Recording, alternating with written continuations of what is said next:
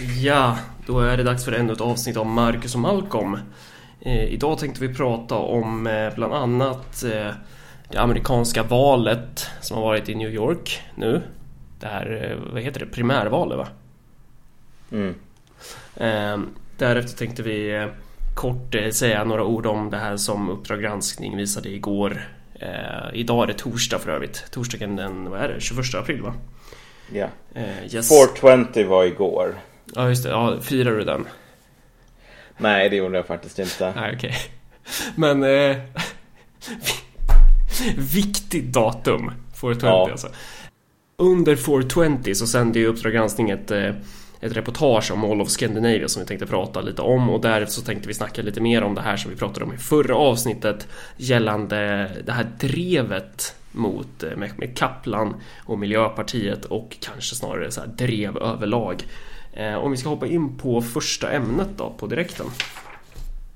Eh, så det har varit, var det igår eller, eller var det tisdag som det var det här primärvalet i New, New York? Eh, Gud, nu ställer du mig mot väggen. Det var väl i... Var det inte i förrgår? det, det är dumt att så här, vi ska kunna hålla koll på datum, du och jag som inte lever efter de, vad säger man, normerna. Vi Nej, som, vi som precis. inte navigerar i, i termer av dag och natt utan snarare i termer av vakentider. Ehm, men eh, ganska nyligen så var Ja, någon gång för inte allt för länge sedan. det, det så, så var, eh, har det varit här i primärvalet i, i eh, New York då, då eh, då Bernie Sanders eh, torskade. Eh, men det har ju varit en del grejer som har varit intressanta i själva processen av det där. Vi sa väl för inte för ett tag sedan att Hillary Clinton skulle antagligen vinna, men eh, vi sa väl det också i det här avsnittet, i- inte i det här avsnittet, men i våran podcast. Ja. Att sättet som hon skulle vinna på var ju bara genom att typ rulla ut etablissemangsartilleriet så att Ja, säga i precis. full kanonad. Med all korruption och allt fusk vad det innebär. New York verkar vara ett väldigt bra exempel på hur det här går till. Det har ju varit en del anklagelser så här, om, om öppet fusk. Men jag tror inte vi kommer att hitta någon, säger man så här, smoking gun eh, eh, när det gäller sånt.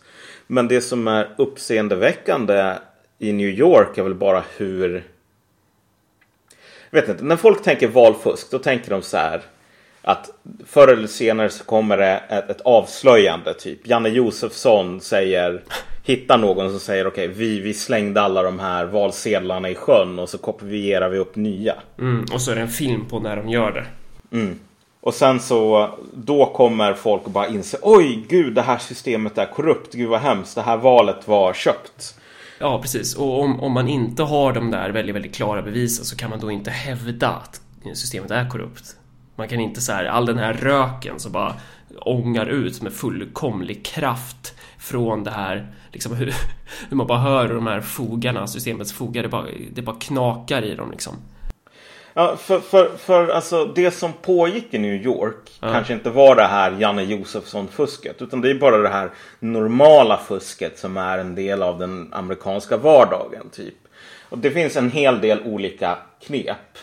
Eh, I presidentval så har man till exempel så här att man strukturerar om distrikt, valdistrikt så att eh, man ska se till så att republikanerna får de delarna av liksom, delstaten eller vad det nu kan vara med tillräckligt många väljare så att de ska vinna säkert. Du vill försöka rita om kartan. Ofta så blir det väldigt så här konstiga konstruktioner på kartan så att du har tänkte jag, typ Uppsala och Gävle skulle vara del av samma valkrets i Sverige men ingenting mellan Uppsala och Gävle. Man gör så därför att man vill se till så att det inte blir för mycket demokrati i demokratin. Och i New York så har det ju varit mycket tal om det här voting, voter suppression. Där man helt enkelt ser till så att man ser till så att folk inte är röstberättigade. Och det är jävligt mycket fusk och mygel som går in i att se till så att folk som skulle kunna rösta på Bernie, Bernie Sanders inte eh, kommer till valurnorna. Ja. Eller att de måste stå och köa i sex timmar liksom. Så var det ju i Arizona.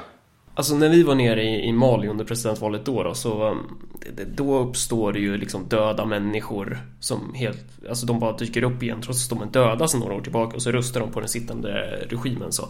Eh, så, så det, är, det är ju en aspekt av det, men sen har man ju en annan aspekt och det är ju så här eh, någonting som internationella, internationella valobservatörer ska markera mot. Det är till exempel, är den här röstlådan inte korrekt stängd? Eh, hur, hur lång är kön till vallokalen? Eh, står det någon utanför och ger ut gåvor? Till exempel trycker en röstsedel i handen på en fattig kvinna och ger och ger en påse ris samtidigt. Det är också aspekter av valfusk, så det finns ju olika aspekter av det. Alltså det finns ju, eller snarare så här, det finns olika aspekter av oklarheter kring det hela. Mm. Precis, och många saker som händer i USA. Eh, eftersom USA är världens bästa demokrati, allt det där, ledare av den fria världen så är det en grej. Men om det hände i typ någon öststat ja. så skulle valobservatörer inte säga men det här är helt okej, okay, så här går det till i mm. världens bästa demokrati. Utan man skulle säga det här är väldigt tvivelaktigt. Ja, och så skulle det vara en massa rubriker om hur Putin är Mm. Uh, the bad guy bakom det hela. Uh, men så är det ju inte i USA. Uh, så att, och sen utöver det så röstar man ju inte med papper. Utan man röstar ju med elektroniska valmaskiner. Det där skiljer sig också ganska mycket på olika ställen vad jag ja. vet. Eh, men sådana här valmaskiner är ju De är intressanta därför att de är väldigt mycket enklare att fuska med. Och det är väl, jag tror att det är en av anledningarna till att man har den. Kanske en ganska liten anledning. För den stora anledningen är nog att alltså, det här är svågerpolitik. Det här är, det finns ett par företag som tillverkar de här valmaskinerna. Typ, eh, ett av dem heter Diebold. Det är väl kanske det mest kända märket. De här valmaskinerna är väldigt dyra. Och um, det finns en gammal tradition som sträcker sig tillbaks flera hundra år i USA om att köpa dyra grejer som en kompistjänst. Om någon kompis till dig eller någon som kanske ger dig ett jobb sen säljer de här dyra grejerna. Precis, politikerna att, köper in valmaskinerna för eh, för att eh, för att använda i valen sen då.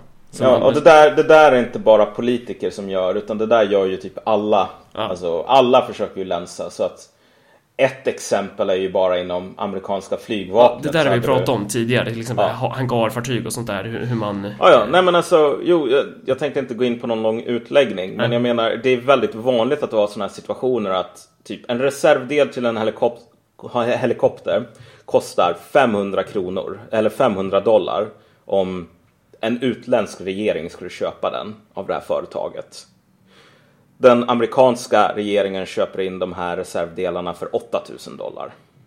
Sådana grejer händer väldigt ofta. Eh, men hur som helst, det är där valet har varit. Eh, och eh, ja, det är väl det med det liksom. Att, ja, nej, men vi får se hur utvecklingen blir nu när man verkligen runga, rullar ut det här tunga artilleriet och håller på med den här sortens institutionella fuskande som är väldigt skadligt för en demokrati. Det här låter som en floskel, men alltså förr eller senare så tappar alla tron på den. Den här sortens liksom små mygel tär ju på systemet på lång sikt. Ja, precis. Alla tappar tron på det till slut. Ja. Det, det som är slående med USA är ju att USAs valmyndighet tror ju inte på amerikanska val längre. Den, liksom, ingen tror på amerikanska val längre. Precis. Så från, vad ska man säga, imperiets högborg, landet, all, alla länders föregångsexempel till, till vårt eget land då. Eh, så eh, igår så sände Uppdrag granskning eh, ett avsnitt om hur det ser ut på svenska byggen. Då om man tittar på Mall of Scandinavia. Och vi ska väl inte liksom hålla oss kvar vid det allt för länge men det, det som är, alltså det finns ju flera aspekter av det som är ganska intressant. Till exempel så Eh, har du då arbetare som får jobba ja, upp till så 48 timmars pass. Eh, och då är det liksom inte ett jobb där det handlar om att man ska skriva en, en skitnödig krönika i, i någon liksom i någon eh, typ tidning någonstans. Utan här är ett jobb där du Alltså ett livsfarligt jobb på ett jävla bygge där du ska konka tunga jävla grejer, jobba högt över marken och så här. Det är, det är jobbigt på riktigt. Ehm, Varav så här, vissa arbetare har fått 30 kronor i timmen liksom på ett svenskt bygge. Det är jättemycket underleverantörer, alltså det, det är ett kaos av företag. Och det, det, finns, det, det, finns ingen kontroll på någonting. Det är bara ett, ett jävla gytter. Ett gytter av samtida kapitalism, mm. typ. Man skulle ju kunna göra liksom avsnitt som verkligen går in på det här i grunden, typ. men det jag tycker är intressant är hur det blir allt tydligare hur vårat land och hur vårat folk liksom far illa på grund av det kapitalistiska systemet. Vad, vad gör det här systemet med oss egentligen? Eh, Patrik Karlsson eh, har en eh, artikel om det i Aftonbladet, jag kan länka till den på Facebook-sidan sen, men han skriver en grej längst ner som handlar om att det här handlar inte bara om typ, eller jag vet inte ens om man säger det, men det här är ju inte liksom en fråga om företags att företagare är onda eller någonting sånt där, utan det här handlar ju mer om att Alltså poängen man vill få fram är att det här är eh, någonting som är djupt rotat i systemet. Mm. Att, att det gäller att pressa priserna till varje, eh, till varje pris. Så, att, att det, och då, då vet man ju vad som händer liksom. Då dör arbetare. Arbetare far jävligt illa liksom. Eh, och, och, det här är ju någonting som man kanske inte har varit så vana vid i Sverige. Eh, men som börjar komma allt mer och mer och mer liksom. Eh, att den här gyllene socialdemokratiska gulderan som var så trygg och så här väldigt sönderromantiserad. Att allt det där, det är borta. Eh, och, och vi går in i, i, samma jävla kaosstorm som många andra länder. Eh, och det kräver väl, det man kan säga om det är väl att det krävs ju kanske en uppdaterad ett uppdaterat politiskt projekt, uppdaterade politiska organisationer som kan se spelplanen för vad den är. Mm. För håll i er, det börjar fan blåsa ordentligt nu alltså. Mm. Någonting händer Det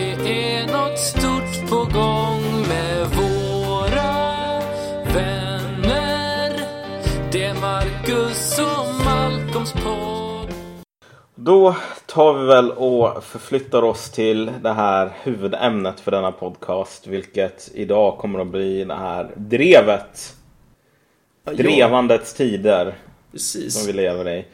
Um, och Kajsa Ekis skrev väl någonting väldigt bra om det idag, i morse eller vad det nu var som mm, det här mm. publicerades.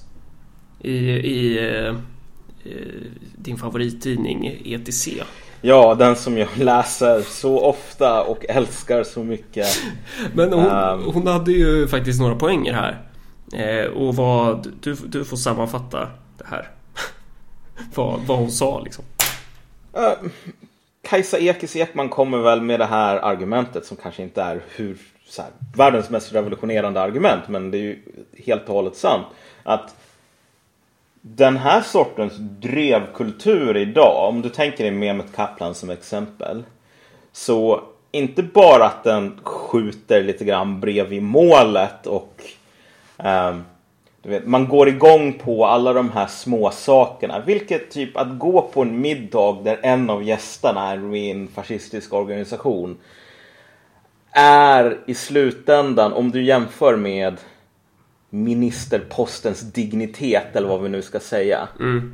Det är ungefär som att liksom bli arg på Hillary Clinton för att hon sa något typ elakt om Black Lives Matter. Typ. Ja, inte att hon är liksom det mest korrupta aset och typ, jag vet inte vad, det inte ens kan, eller så här att hon, hon det finns ingen politisk aspekt av det typ. Ja, om du sitter i en sits där din politik kan och ofta leder till att massor med människor dör då känns det faktiskt ganska frapperande, om jag får använda det ordet. Att den stora frågan ska bli, använder du ett inkluderande ord eller inte? Ja.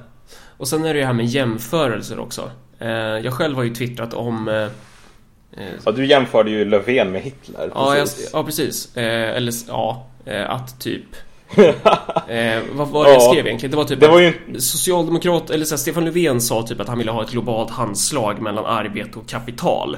Eh, och jag menar, är det något att vara stolt över? Jag menar, det, det vill ju Hitler också. Sen kan man ju tycka att det är bra. Men ja, och sen... Det behöver inte betyda att Stefan Löfven vill sätta människor i arbetsläger och sånt där.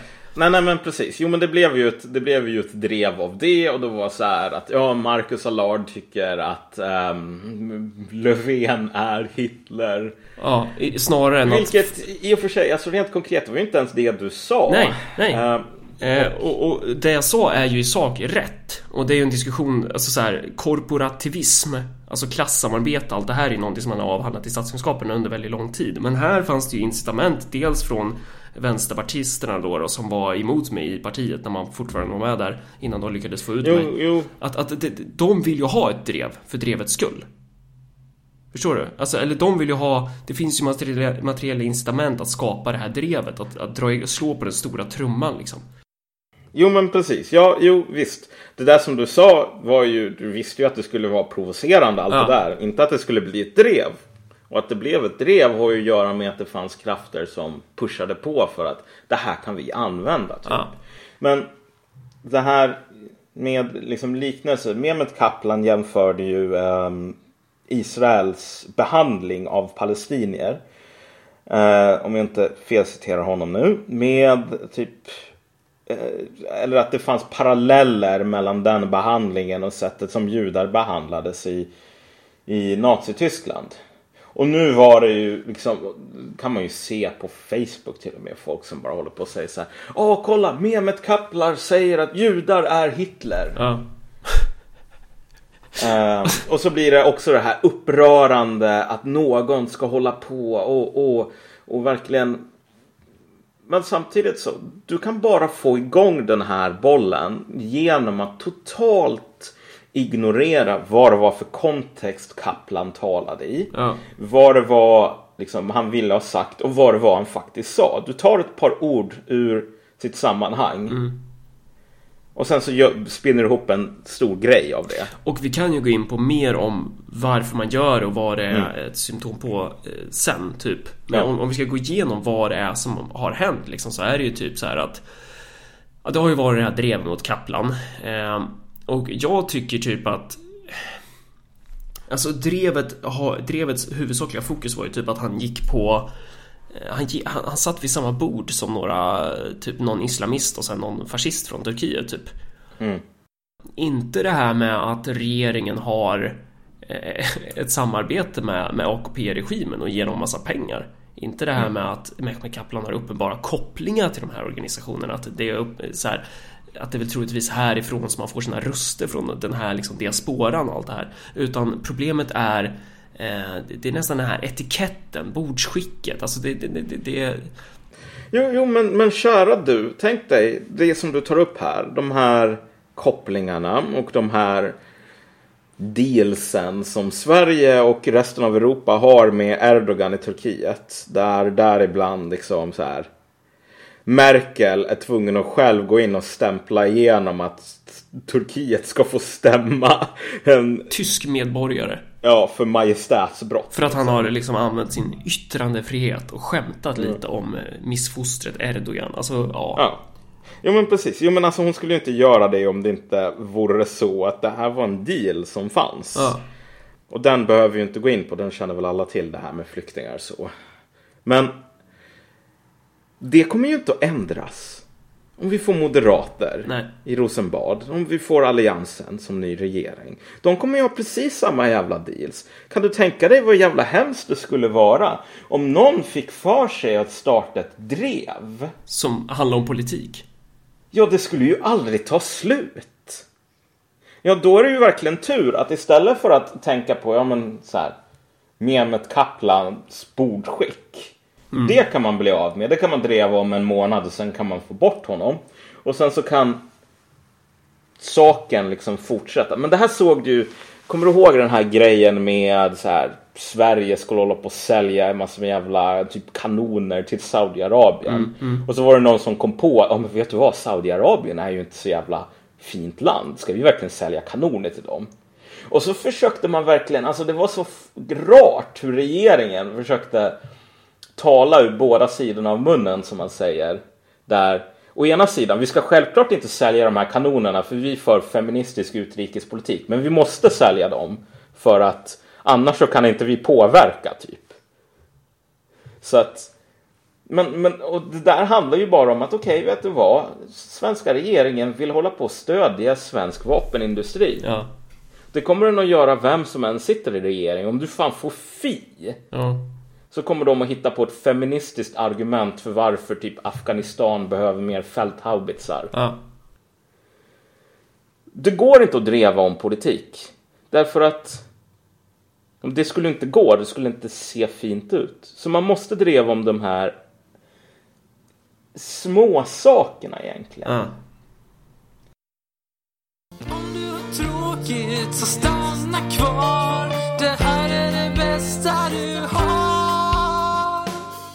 kommer Marcus och Malcolm Här kommer Marcus och Malcolm Men en sak som Ekis tar upp är ju bara att okej, okay, Kaplan gör den här jämförelsen med Israel. Och visst, det är en ganska klumpig jämförelse. Det finns inte så himla många liknelser mellan typ eh, palestinier i Israel och judar i, i, i Nazityskland. Annat än att båda blir behandlade ganska dåligt. Det, men, men det är ju inte heller syftet. Alltså det, det, det, är också det, man kan ju läsa den där på olika sätt. Man kan läsa den som en, som en person vi, vi, alltså, man kan läsa den som, som en forskare och bara säga nej men det här är ju inte Alltså om man skulle skriva en uppsats på det där kanske inte skulle gå så bra liksom mm. Men jag tänker bara om Kaplan hade gjort en mindre klumpig jämförelse och jämfört typ det Israels situation idag internt med sin befolkning av palestinier, araber, druser liknande med typ Sydafrika under apartheid eller begynnelsen till apartheidperioden snarare. Det skulle ha varit en mindre klump i jämförelse, men tror verkligen någon av dem som håller på att dreva det idag och som bara Åh, Kaplan sa att Israel är Adolf Hitler. Alla som bor i Israel är Hermann Göring. Tror du någon av dem skulle säga, okej, okay, Mehmet Kaplan jämför Israel med Sydafrika. Och nu när jag går och läser om hur apartheid funkar och vad det var, liksom de, de materiella omständigheterna. Då ser jag att det här är en bra jämförelse. Bra jobbat Kaplan. Nej, poängen är ju inte det som han säger. Nej. Poängen är ju det som man vill kunna säga om honom. Mm, mm. Och någon skulle kunna få till det, tror jag, även om du hade en perfekt liknelse. Så skulle någon kunna få till ett drev av det. Det är bara att typ klippa och klistra. Så här alltså så här, drevandets anatomi, det är lite grann som i om du kollar på en sån här gammal Beck-film. När någon ska skicka ett typ mordhotsbrev så klipper de ju ut bara massor med bokstäver ur olika så här, eh, eh, tidningar och olika löpsedlar. För att skriva typ ge mig 10 000 annars dör du din fitta liksom. Så är det så här blockbokstäver från Aftonbladet. Ett drev är typ samma sak du, du typ klipper ut de här blockbokstäverna. No, Kaplan hade på sig den här kostymen då. Marcus twittrade här. Och sen så bygger du ett brev av det liksom. Du bygger en historia, ett narrativ. Som alla ska bli jättearga på. Ja. Och då kan man ju se på det här drevet på olika sätt. För att det är ju det här som gör att det, det blir mer intressant. Ofta så fungerar ju medialogik så att om du har ett problem eh, så vill man ju försöka, media vill ju jobba med att hela tiden hitta nya vinklar på det för att kunna sälja mer av berättelsen typ. Så till exempel med våra utslutningar så eh, det hade inte blivit samma grej om det bara hade varit så här, ja, eh, den här personen gillar typ revolutionära fronten på Facebook eller någonting. Eh, om inte typ Aron Etzler, partisekreteraren, hade gått in och bara sagt jag tar starkt avstånd. Så mm. då har du liksom eh, Det kastar bensin på elden typ. Du förstorar eh, berättelsen typ. Ehm, när man då har frågat miljöpartister Om eh, hur eh, Hur man ser på det här drevet så, så är alltså det, det är nu man blir så jävla fascinerad av det här idiotpartiet alltså.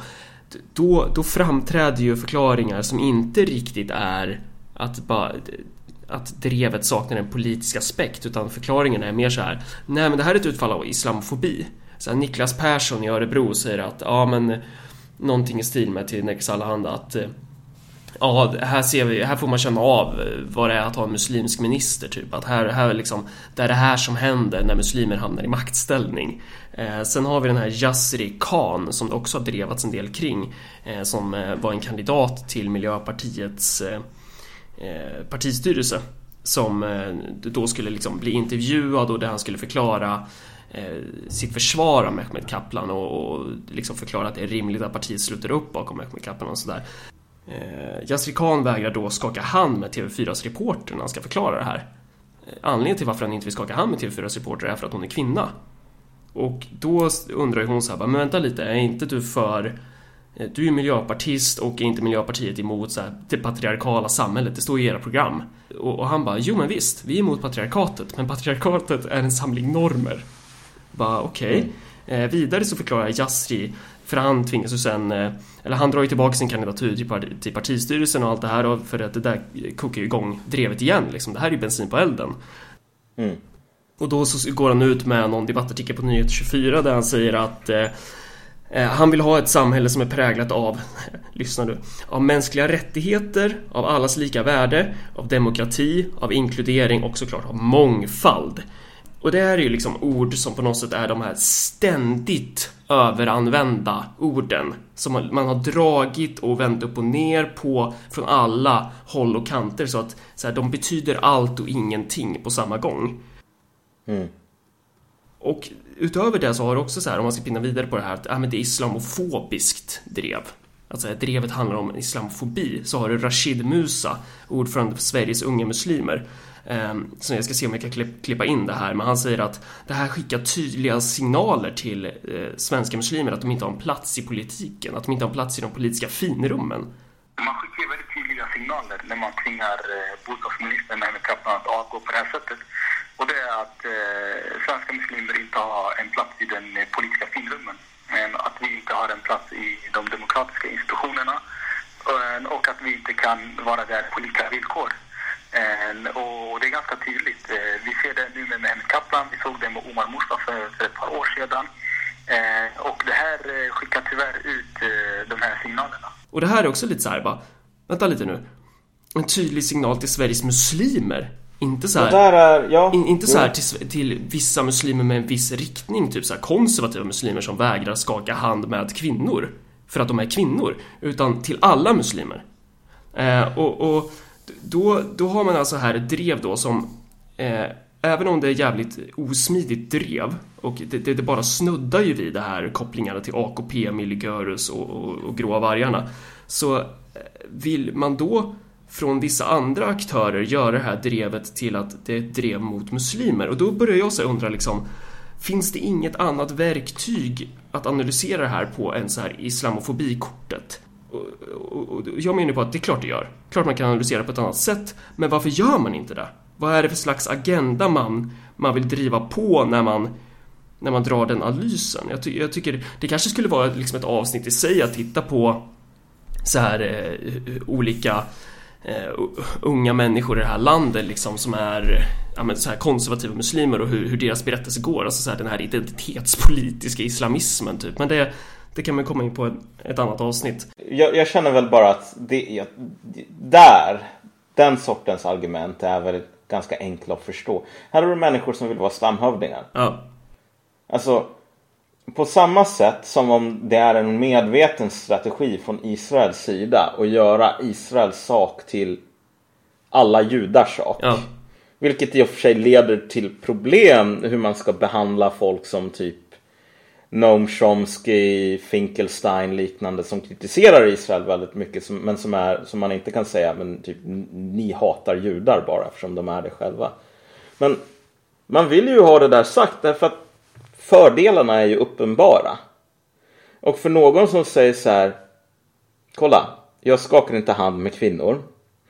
Och så För jag är muslim. Ja, alltså. Säger ju i slutändan... Alltså han drar ju alla muslimer över en kam. Ja, jo men precis. Jo, och det är ju alltså islam precis som tyvärr. Nu finns det ju folk som tror det. Så här om man lyssnar på motpol och liknande. Men islam är inte Borg. Det finns minst lika många eh, olika slitningar och eh, skismer och, och, och meningsskiljaktigheter och liknande inom islam som det finns inom vad som helst annat. Typ. Ja. Men, och precis som inom islam, som inom vad som helst annat, så finns det människor som gärna vill försöka släta över det där och hamna på toppen genom att säga att jag representerar sanningen. Liksom. Uh, men ja, så liksom, men vad, vad han gör är ju inte så himla annorlunda från så här, jag vet inte vad, Afrosvenskarnas riksförbund. Det skulle inte förvåna mig om de gick ut och sa, jag vet inte vad, kritik av den här konstutställningen visar på typ, ja, om du är svart konstnär så då kommer du ingen vart i det här landet. Alla vill ju hålla på så idag. Det är ju den tiden vi lever i tyvärr. Ja.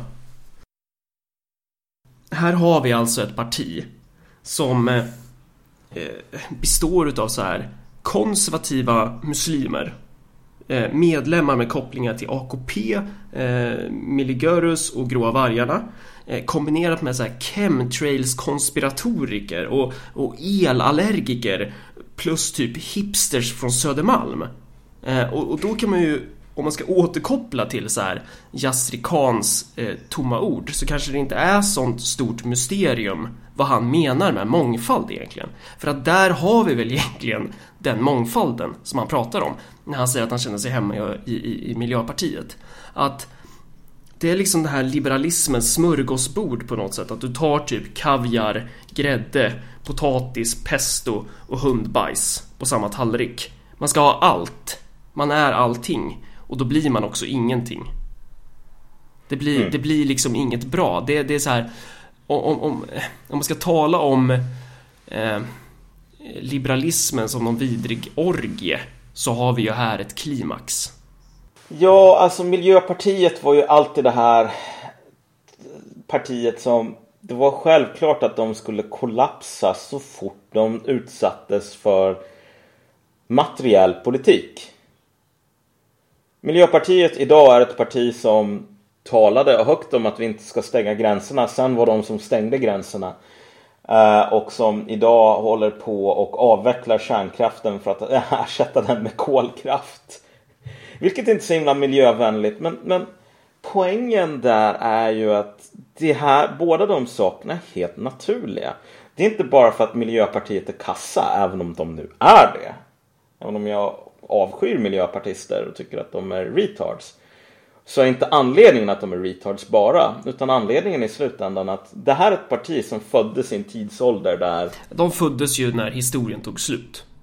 Ja, Då man talade om så här, bara, ah, men det finns inga ideologier kvar. Det finns, inga, det finns inga klasser, det finns inga motsättningar i samhället. Det finns bara individer och lösa normer som, som, alltså, som är upp till var och en att definiera själva vad de innebär, typ. Ja, och du, det är inte många som tror det idag, men Centern var en gång i tiden ett av Sveriges största och liksom tyngsta partier. På den tiden som det var bondepartiet. Ja. Ja men alla de partierna är ju så här, du har liksom Socialdemokraterna och kommunisterna, det var så här Ja, det var arbetarpartierna, du har bondepartiet, det var Centerpartiet liksom Eller bondeförbundet eh, Och sen så har du typ så här Liberalerna, ja men det var väl så här borgerliga eh, den, Ja, de liberala delarna, borgarklassen typ Och sen så har du liksom de konservativa Det är ju typ Högerpartiet Ja, som det alltså gamla, gamla, de- som typ någon generation tidigare var så här adel-ish. Så det, det, det ty, tydlighet, klassintressen, materiella intressen formerade i partier. Men Miljöpartiet, vad är det för jävla skit egentligen? Jo, jo, men precis. Alltså, bondeförbundet en gång i tiden var väldigt starkt och det var inte, de behövde inte hålla på med massor med själasökande för att hitta sin politik. De, deras politik var typ vad bondar, vad bönder tyckte var bra. Um, och försvara böndernas intressen, allt det där. Mer eller mindre, väldigt förenklat. Men det var så det gick. Och sen så försvann alla bönderna från Sveriges yta. Och så kom Annie Lööf. Och Maud Olofsson. Nu är det så här typ månggifte hit och dit, massor med sådär saker. Man har inte längre någon, man har inte längre någon materiell bas. Nej. Men man försöker överleva som parti och man har ju fan mer pengar än Krösus så man gör ju det ändå. Miljöpartiet var ett parti som föddes i den tiden där man inte behövde en materiell bas. Det var liksom överspelat, den här gamla sortens grottmänniskopolitik som handlar om klasskamp Ja. och klasskonflikter. Gud, gud vad osexigt och tråkigt. Ja. Vad, vad, vad snubbigt. Och jag menar det här med klasskamp verkar ju vara en vänstergrej men om du, det var ju, du behövde aldrig förklara för någon i högerpartiet vad klasskamp var. De sa ju men självklart existerar vi det och vi står på rätt sida och ni står på fel På sida. samma sätt som du inte behöver förklara det för Peabs ägare eller de som liksom Nej. bygger Mall of Scandinavia. Det är jävligt tydligt vad det handlar om att det pågår ett klasskrig. Så det är liksom så här. Men okej, Miljöpartiet. Miljöpartiet förstår inte det, de vill inte förstå det. Nej. Men i slutändan, kalla mig grottmänniska, jag kanske är det. Så här oga boga så. Men jag har alltid sett, och jag kommer nog alltid att se politik som en kamp mellan antagonistiska intressen. Ja. Vilka är egentligen Miljöpartiets antagonister? Mm, ja, alltså, vil, vilka är det Miljöpartiet kämpar emot? Vad- du, du vet du vad, de kämpar emot dumhet. Men alltså dumhet kontra godhet är inte en riktig antagonism. Ja, nej. Alltså, det är ju det som gör att man hamnar i den här totala jävla återvändsgränden när det gäller typ miljöpolitiken som ska vara deras grej egentligen. Men ändå så håller man på och för en politik som leder in i kolkraft. Men för kolla. Du kan alltid sälja till Miljöpartiets väljare. Rösta på oss. Vi är smartare. Vi kommer att typ ordna grön el för det är så jävla smart. Och anledningen till att ingen har gjort det, det är för att alla är dumma. De, de håller på att envisas med att antingen gå vänster eller höger. Men Miljöpartiet, Mm. vi går framåt.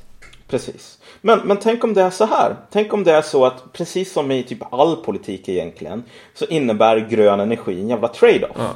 Det kanske är så att du istället för att hålla på och ha massor med elektriskt ljus så får du hålla på med stearinljus istället.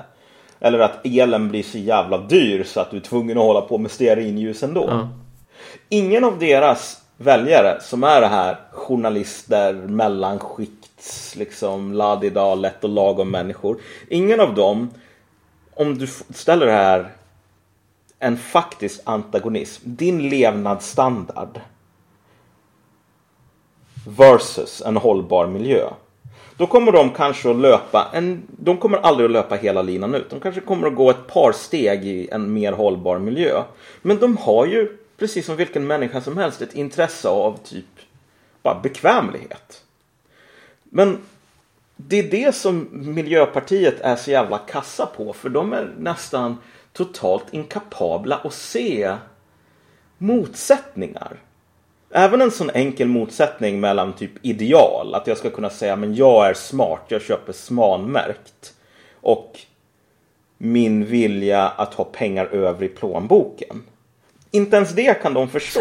typ det här med att bara Ja, det är klart jag är emot patriarkatet eh, Men jag vill ju absolut inte hälsa på kvinnor så som jag hälsar på män För att, vad fan, de är ju kvinnor liksom Att, att det går också att förena under samma slags tak Ja, jag menar, jag tänker mig bara så här att om du är emot patriarkala strukturer. Är inte det där ett ganska bra exempel på en sådan? Ja. Jag tänker om det inte är en patriarkal struktur. Vad är det i så fall? På något plan. Men, men jo, okej. Miljöpartiet är kassa. Men samtidigt så de... Det här drevandet mot dem handlar ju inte om sättet de är kassa på. Utan det handlar bara om såna här jävla ovidkommande struntsaker. Så här, jag skiter faktiskt. Sorry, jag kanske, nu kanske jag avslöjar mig själv som någon sån här psykopat eller någonting. Men jag skiter fullständigt i vem Mehmet Kaplan lunchade med. För han kunde ha lunchat med liksom, ansvariga utgivaren för Arktos. Jag skulle fan skita i det. Därför att det är en jävligt... Jag, alltså, för mig är inte en regering någonting som vi har för att de här ska vara goda. de, Vi har en regering för att de ska uppträda med, med god moral de ska, Vi har en regering Ja, för eller att jag de, vet inte. de ska lära oss Posta fina, fina historier på Facebook eller någonting. Nej, de, ska väl, de har väl ett jobb de ska göra och jag känner att det här är ganska ovidkommande vad gäller det. Sen att de suger på det jobbet, det är ju en annan sak, men det går inte att dreva om därför att alla suger lika mycket. Ja. Men låt mig ställa den här frågan till dig Marcus. Tänk om vi skulle ha en rymdvarelse som kom på besök i Sverige och såg att den här största jävla politiska händelsen nu är typ vem Mehmet Kaplan var liksom delade middagsbord vid för en period sedan. Den här rymdvarelsen skulle väl kanske tänka typ Gud vad konstigt. Hur kommer det sig att i ett land som Sverige med alla de problemen som Sverige har men sen också med alla de problemen som mänskligheten har. Alltså klimatförändringar, energikris, typ. Ingen vet ens vad Sverige som är beroende av olja ska få sin olja om, om 20 år.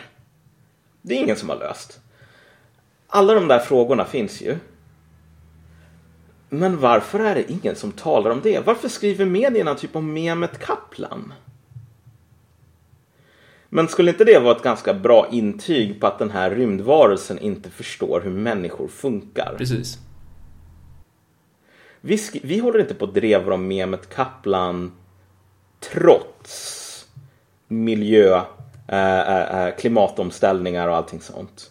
Eller trots att ingen har någon som helst lösning på det här flyktingproblemet.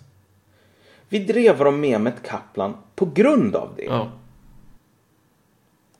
Det är så, alltså människor, det är väldigt Det här är väl en, vad ska man säga, en designbugg i våran programmering. Alltså Vi har väldigt enkelt, när problemen är för stora och vi inte vet hur vi ska hantera dem, då lägger vi problemen i en låda och så kommer vi på olika ritualer för att hålla den här lådan stängd. Så att problemen inte kommer och skapar dåliga vibrationer. Och det här drevande som vi har i Sverige, det är en gemensam ritual. Medan vi talar om Mehmet Kaplan, ju större vi gör allt det här, eller typ vad fan han sa om Israel, eller typ om man lyssnar på The Beatles och tycker att Yoko Ono var bra. Ju större de sakerna blir, desto mindre i jämförelse blir eh, de här riktiga problemen. Mm. Och varför är folk intresserade av, av det? Jo, precis som du antydde innan så det här säljer ju tidnings-X. Ja, och framförallt så har du ju också att det finns ju ingen annan aktör som kan hantera de här problemen. Alltså, Nej. Alliansen kommer till makten. Vad blir skillnaden? Alliansen måste administrera de här problemen. Alltså det är verkligen så här. Jag var ju mer eller mindre så pass konspiratorisk att jag trodde att inför 2014 att Alliansen nästan gick in för att förlora valet. Dels med tanke på hur de betedde sig, men också så här att varför skulle man vinna valet egentligen? Varför skulle man vilja göra det i, i, när man inte har en politik för att möta samtidens utmaningar? Varför skulle man vilja bygga ett parti om man inte har någonting att komma med? Där har du de här eh, politikerna idag som sitter högt upp i pyramidens topp. Eh, och de är där och tror att det är deras naturliga habitat, men de är så jävla sönderstressade och desperata för att de vet att de kan inte hantera det här. De kan inte hantera att pyramiden håller på att eh, falla sönder, typ. Eller förändras ganska radikalt. Mm. Du vet vad, det som har hänt idag som är så fascinerande är ju hur det här med regeringsmakt. Ja. Det är inte så mycket makt kvar i den. Nej. Den har blivit en sorts het potatis, en svartepetter som du ska hålla på att passera runt. Men du ska inte ha, sitta på, på svartepetter när någonting smäller. Nej, Liksom. precis. Och det, det vore... Det vore... Jag skulle bli otroligt chockerad. Alltså jag skulle bli... Tappa... Hur säger man liksom? Jag skulle vara tvungen att leta efter min jävla tunga nere på marken någonstans. Om det visade sig att Moderaterna inte hade haft en diskussion om typ Vill vi verkligen vara det partiet som fäller den här regeringen, Ja. tar över regeringsmakten med tanke på att vi har en begynnande bankkris i Sverige. Ja. Och den här kommer att bli gigantisk. Ja. Vill man sitta på hundhuvudet då? Eh, Och de flesta partierna borde ju svara nej, det vill man inte. Förutom då Aron Etzler som gör allt han kan för att komma in i de politiska finrummen. Alltså han kommer komma in där i slutet och så kommer det bara det, det kommer vara Masada Liksom. Det är bara så här, efter flera års belägring så kommer man bara in i den här fästningen. Man har förlorat så jävla mycket, man förlorar halva sin armé på det. Så kommer man in där och så är det bara typ lik och förgiftat dricksvatten kvar. Sossarna kommer att plocka upp sin jävla röda telefon, bara ringa direktsamtal till Etzler själv och säga Hej, vill du bli finansminister? Vi tycker du är så himla bra.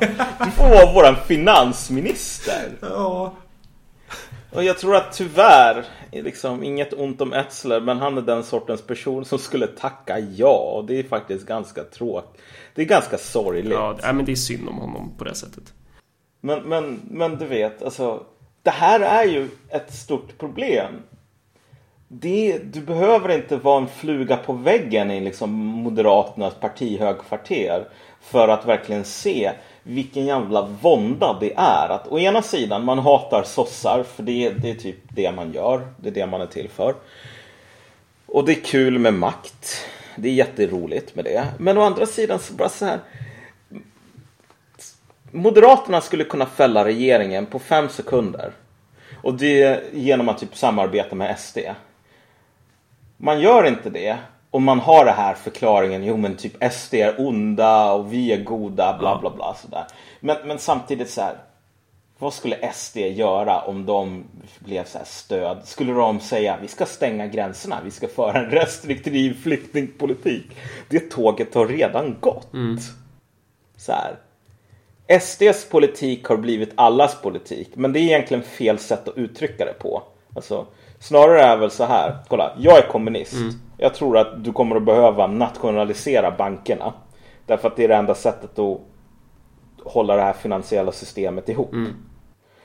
Men antagligen så kommer det bli moderater som gör det förr eller senare. Betyder det att moderaterna har blivit kommunister? Ja, det gör det. Nej, antagligen inte. Det betyder bara att de för den här politiken därför att det är den enda som typ går att föra. Ja. Men min poäng här är bara att som sagt, Moderaterna har alltid, de har den möjligheten idag att typ knuffa bort sossarna och bilda egen regering. Men de gör inte det av den enkla anledningen att alltså det kommer bara bli det kommer bara bli keft för dem. Här har vi det politiska spelet där de här jävla hovreportrarna eller hovnarrarna som Sveriges journalistkår är håller på och bevakar och ska dreva runt i. Att du har olika fraktioner som slåss om makten. Men vad innebär egentligen makten? Vad är det de slåss om egentligen? Vad är det de vinner? Ingenting. Ja, nej men kommer du in i cockpiten i Rosenbad så ser du typ att hälften av reglagen är trasiga. Och typ du drar i spaken men ingenting händer ungefär. Eller det är bara för jobbigt att hålla på och dra i de där spakarna så ingen gör det. Så att okej, okay, Mehmet Kaplan borta. Ja. Nästa bostadsminister kommer att lösa precis lika få problem. Du kan få bort sossarna, men du kommer inte att få en mer, jag vet inte, du kan sätta en jävla kommunist i Rosenbad och du kommer antagligen inte att få en så jävla mycket bättre asylpolitik. Därför att, ja, det här handlar i slutändan om antagonistiska intressen. Så här, alltså den politiska situationen med alla de här frågorna idag börjar bli mer och mer omöjlig. Liksom. Läget är så jävla låst. Så vi måste hålla på och snacka om Kaplan. Jag tror att en del av det är väl det här nästan sympatiskt. Alltså, en del av det behovet tror jag kommer ifrån behovet av att vi vill kunna låtsas. Du vet som det här barnet som sitter i, i en bil som står till. Håller på och vrider på ratten bara vrom vrom gör motorljud. Där. Det är typ vi idag. Ja, men, verkligen. Och så står typ alla Sveriges journalister och typ så här filmar och fotograferar lite ivriga paparazzis. Mats Knutsson intervjuar det här barnet bakom ratten bara med sina vassa frågor om varför det här barnet har tröjan ut och in eller vad det nu kan vara för viktig detalj. Där är ju svensk Ja. politik. Jo men alltså, och vi är det därför att alltså den här insikten om att kolla. Bilen står still, motorn är inte ens påslagen. Den är jävligt traumatisk typ. Så här. Den dagen som, som, jag vet inte. Jag tror inte det kommer att hända. Men vi säger så här att hela Sverige läser Kajsa Ekis Ekman och inser att dreven faktiskt är en samhällsfara. Och det, det är jävligt mycket problem och det löser ingenting. Den dagen så skulle inte Sverige bli lyckligare. Sverige skulle bli mer neurotiskt. Sverige skulle bli mer deprimerad, för man inser okej, okay, drev inte någon lösning. Okej, okay, men då har vi ingen lösning alls. Nej. Förutsatt att vad man definierar som en lösning och vad som är målet. Eh, för grejen med ett samhälle som ruttnar samman är ju att ohyran tenderar att komma fram och eh, i egenskap av just ohyra så kan man väl säga att jag är jävligt, jävligt hungrig alltså. Ja, nej men precis. Det är väl vi, vi, du och jag, mörkervänner, ljusets fiender, extremister, kommunister, extremister, allt det där. Mm. Folk från historiens soptipp. Vi kommer tillbaka. Um, det, det, är liksom ja, så här, man, man, hör så här Galadriel som, som pratar om liksom den här eh, viskningen från öster. Den här... Mm. det, ja, det är nice alltså. Ja, och jag menar bara så här, för att avrunda liksom, på, på den noten. Uh, du och jag, vi har ju haft lite så här diskussioner sinsemellan om typ, ja men det här gamla vanliga, ska man kalla sig kommunist idag? Ja. Typ, är det bra eller är det dåligt? Uh, men jag känner, precis som du sa, att idag finns det nog en poäng. Det är nästan att markera det är nästan något bra att markera att man är den här jävla rymdvarelsen från den röda planeten typ att, att man är koko och upp och ner och från ett samhälle där katter gifter sig med hundar och allting sånt där. Därför att det samhället som vi har normaliteten är på något sätt mer sjuk än det sjuka. Mm. Och då, det är kanske den tiden som du behöver den här sortens ja, on, onda personer, mörkervänner, typ Peter Wolodarskis mardrömsfigurer mm. som vi liksom. Eh, gillade man det här avsnittet så kan man ju ta och sprida det allt vad man kan. Och så får man jättegärna gilla oss på Facebook och börja följa vårt Twitterkonto också och allt vad fan det är. Hej och hå. Ha det bra. Yeah. Darkness crept back into the forest of the world. Rumour grew of a shadow in the east, whispers of a nameless fear.